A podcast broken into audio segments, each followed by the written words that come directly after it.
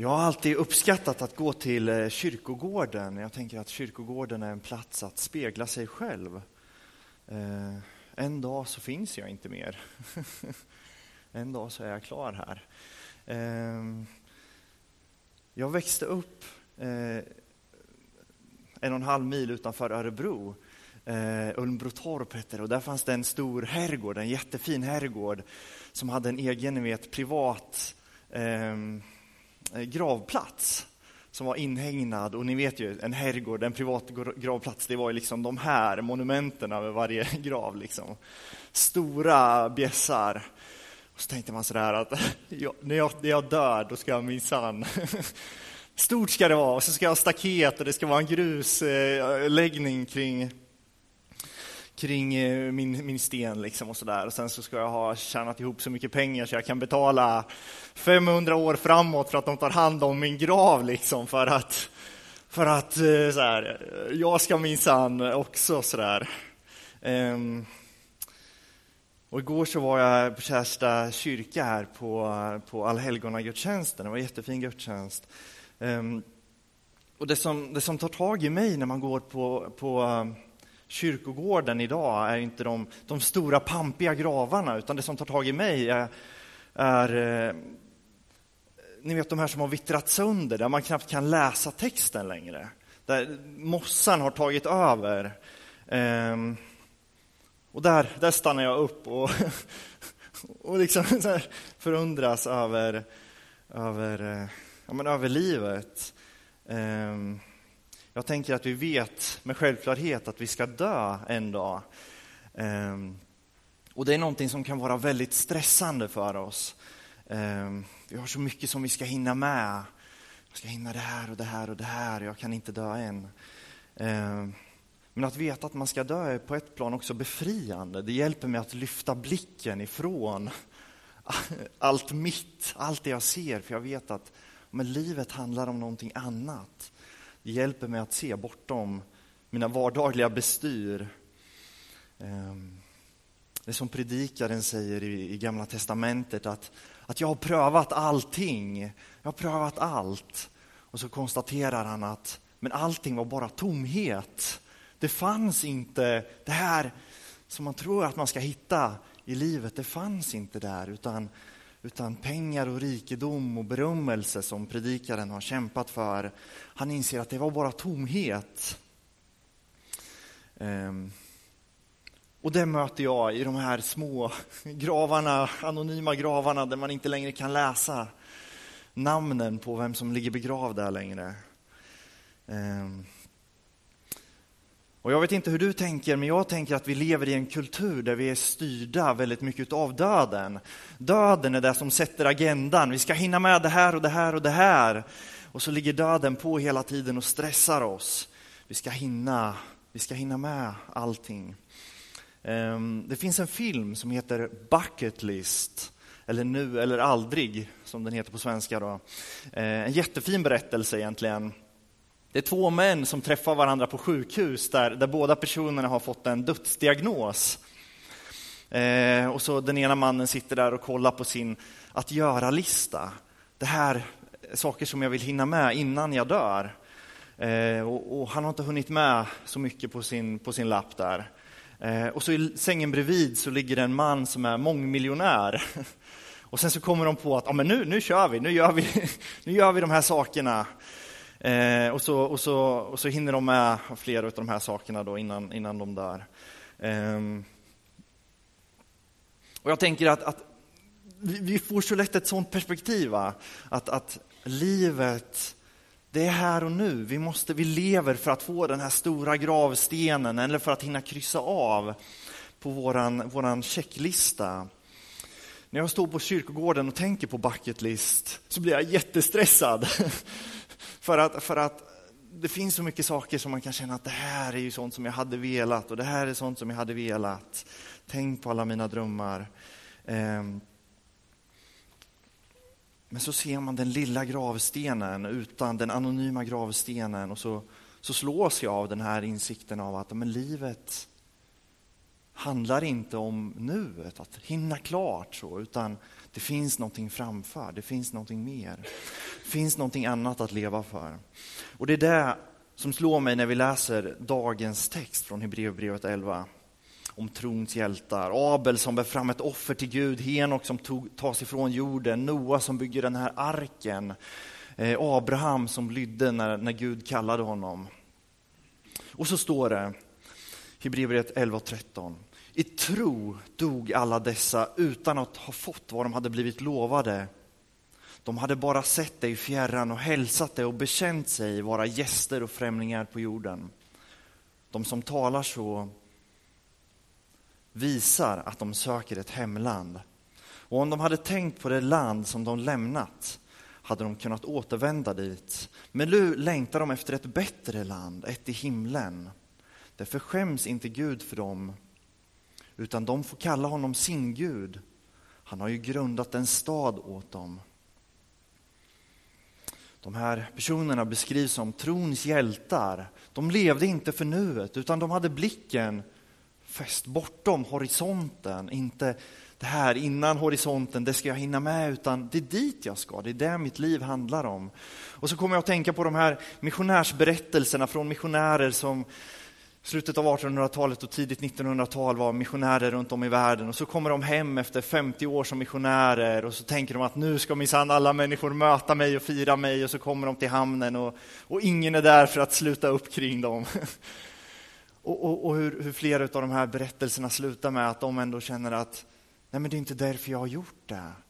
Det är ju därför jag har gjort det. Det är ju för det där hemlandet jag har gjort det. Människor som har gett sina liv för för, för andra att få berätta om Jesus. Och de får inte den bekräftelsen här och nu, men det är inte därför, det är inte därför vi lever. Vi lever inte, och de levde inte för att kryssa av på sin, sin lista, det här och det här vill jag hinna med. Utan för att, för att Gud har talat och Gud har sagt, gör det här. Och de går på det. Ehm, för några år sedan, för om det är sex, sju år sedan, så dog Annika Ehm, hon var några år äldre än mig. Ehm, en jättefin kvinna som hade fått en infektion i hjärnan och de kom aldrig riktigt på vad det var för någonting. Ehm, men, men hon blev sämre och sämre och, och det slutade med att, att hon dog. Då.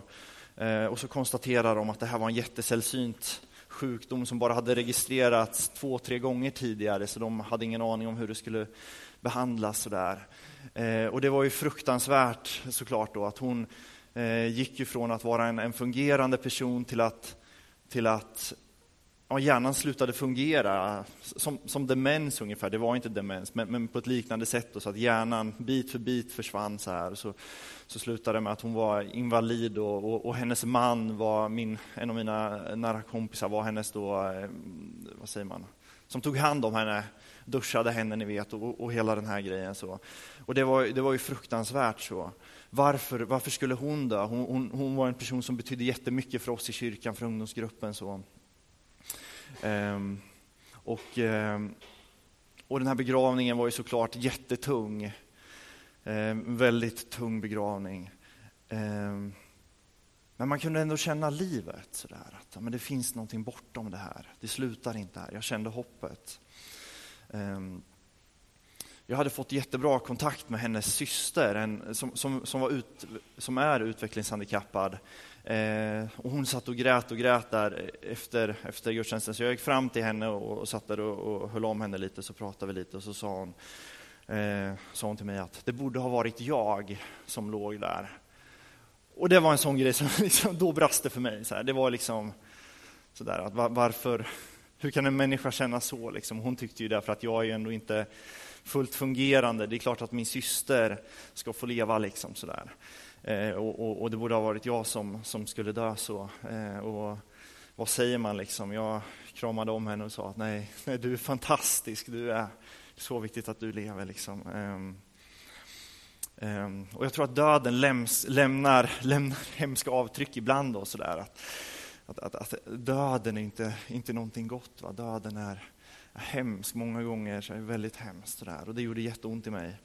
Och jag tror att vi lever i en värld med så mycket mörker och det kan göra så ont i oss. Ehm. Och flera av mina vänner de lämnade tron på grund av att den här tjejen då dog. Så här. Hur kunde Gud låta det här ske? Hur kunde just den här kvinnan få dö? Ehm. Men den som var starkast, det var hennes man. Hennes man som hade burit henne till, till duschen och till toaletten liksom, och tagit hand om henne hela, hela tiden där. Um, som sökte sig djupare. Han var ju förkrossad, han ropade ju till Gud. liksom. Um, men, uh, men han kom till Gud. sådär. Och vi pratade om det senare, några år senare, jag tillsammans med mina kompisar och några av de här kompisarna som, som har lämnat tron eh, var med också. Sådär. Hur kunde du finnas kvar? Hur kunde du se Gud i det här? Och han sa det att, att Jesus är ju allt jag har. Jesus är ju verkligheten. Jesus är ju livet. Det är allt som betyder något. Um, och här ser jag en, en, tydlig likhet mellan Annikas man och trons hjältar. De har fått smak på någonting annat. De har fått smak på någonting mer. Och när jag läser den här texten så känner jag att jag vill också ha smak på det här. Jag vill ha mer av det. Jag vill att mitt liv ska vara präglat av att jag längtar efter himlen. Jag längtar efter Jesus. Jag ser bortom horisonten. Där är mitt hemland. Det är dit jag vill vara. Tänk om mitt liv skulle få vara någonting mer än ett jagande efter vind. Den här veckan som ligger framför så kommer vi som församling att gå in i bönevecka tillsammans. Det känns jätteroligt tycker jag. Ehm, för att söka Jesus tillsammans. För att få stanna upp, för att få läsa Bibeln, för att få samlas i bön, för att få lyfta blicken tillsammans. Därför firar vi bönevecka. Och idag i, i gudstjänstlokalen så märker ni kanske att det sitter lite andra saker här. Vi har dukat upp några fler bönestationer. Ehm, på tisdag så kommer vi ha ett bönedygn. Där det finns ute i entrén så finns det en lista man kan få skriva upp sig på så får man, får man komma hit och ta en timma i bön. Eh, där vi har inrett två rum på övervåningen. Eh, inte konferensrummet, sammanträdesrummet har vi dukat upp med lite förbönsämnen för Rimforsa och för församlingen. Och i, i kontor, kontorsrummet bredvid hissen, det lilla kontorsrummet, så, så finns det möjlighet då att, att, vi kallar det ett du och Gud-rum med lite böner och en bibel eh, för, att, för att göra det enkelt att, att söka Jesus. På torsdagsbönen, på torsdag här när vi träffas för att be tillsammans, så, så vill vi lämna mycket utrymme för att be för varandra. På lördag kväll så kommer vi ha en bönesamling och tillsammans be för, för olika böneämnen. Och sen på söndag så avslutar vi den här böneveckan eh, med fokus på, på vittnesbörd eh, och tilltal, att dela tilltal till varandra. Så nu går vi in i en vecka tillsammans där vi söker Jesus. Och det gör vi för att, för att hjälpa varandra att lyfta blicken, se någonting annat. Eh, ta ut riktningen. Det är så lätt att tappa fokus. Jag kommer att tänka på en sång som en, en, en, kvinna som heter Petra Marklund sjöng för några år sedan. Petra Marklund hon ledde, lovsång, äh, lovsång, hon ledde allsång på Allsång på Skansen. Eh, men hon har, hon har skrivit en sång som, som heter Händerna mot himlen.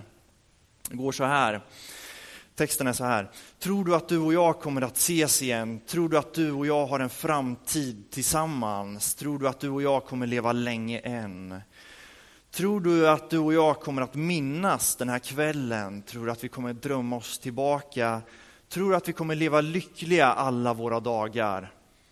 Det tror inte jag.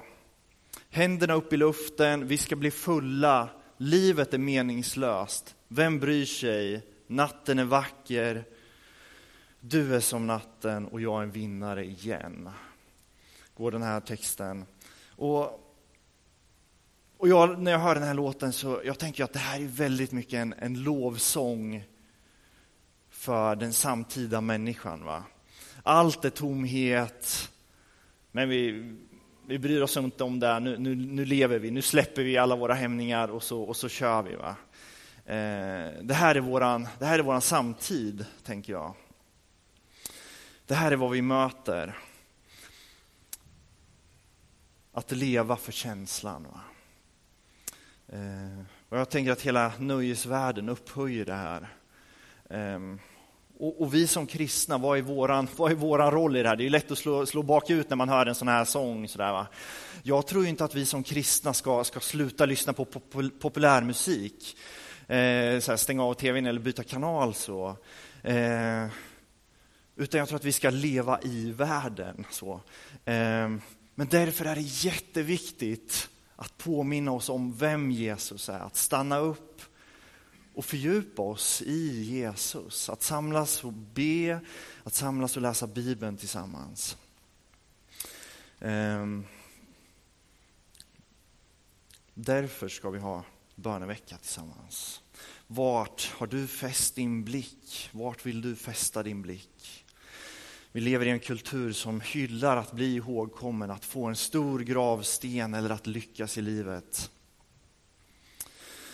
Men Jesus är inte en Gud för de döda, utan en Gud för levande, som det står i dagens evangelietext i Lukas 20. Livet handlar om någonting annat än att leva för att hinna med saker innan döden. Så. Livet handlar om att leva mot himlen. Som min vän sa, det är ju allt jag har. Jesus är allt jag har. Det är det enda som betyder något. Någon eh, har sagt, jag har snappat upp det och det är en sak som jag har burit med mig, att en smart person lär sig av sina misstag. En dum person lär sig inte av sina misstag. Va? En smart person lär sig av sina misstag. Men en vis person lär sig av andras misstag. Och här kan jag känna när jag läser predikaren att jag vill inte vara som predikaren, att jag måste pröva allting, leva för att åstadkomma allting för att till slut inse att livet, att, att, att alla de här sakerna man kan uppnå i, i nuet är, är meningslösa. Utan jag vill, läsa, jag vill läsa berättelsen om Noa, berättelsen om Abraham som har blicken fäst på någonting annat och kämpa för det som jag inte ser. Och där känner jag att vi som församling ska mötas inför Jesus för att få smak på honom. Vi behöver smak på himlen. Vi behöver smak på evigheten.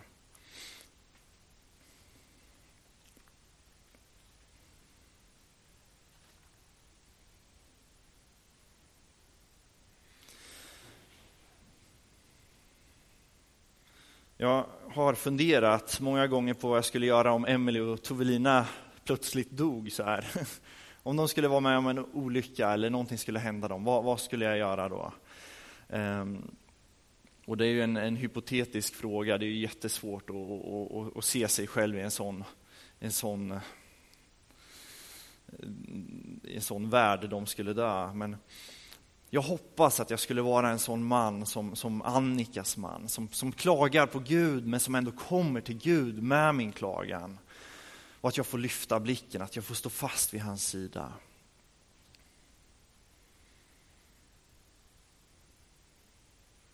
Jag tror att vi måste leva för nuet. Att vi måste leva i nuet, men inte för nuet.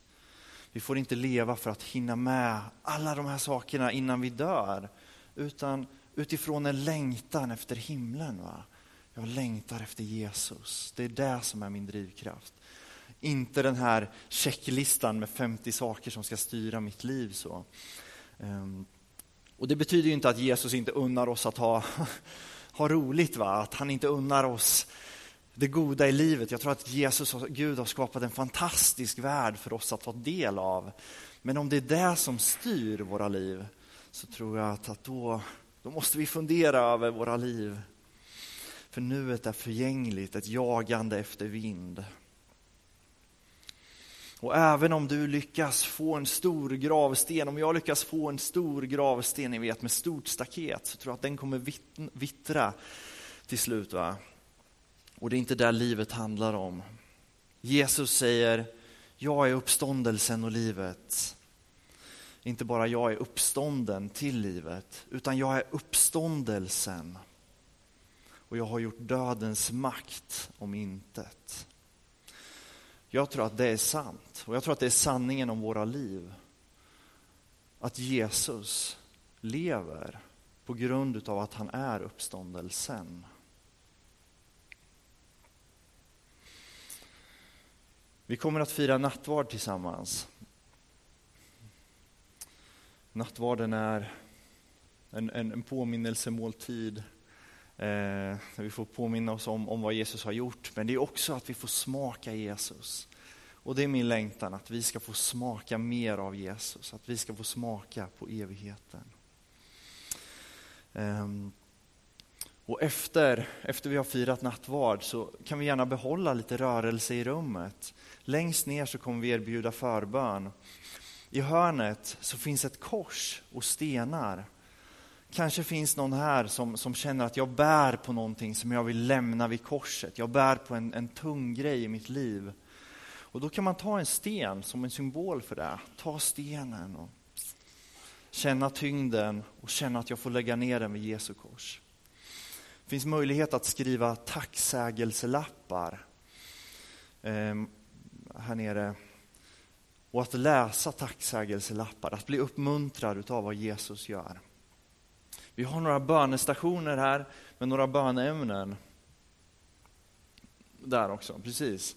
Var gärna med och be för, för olika böneämnen som finns i, i församlingen. Var med och be för Rimforsa. Och det är möjligt att tända ljus, eh, både här och där bak.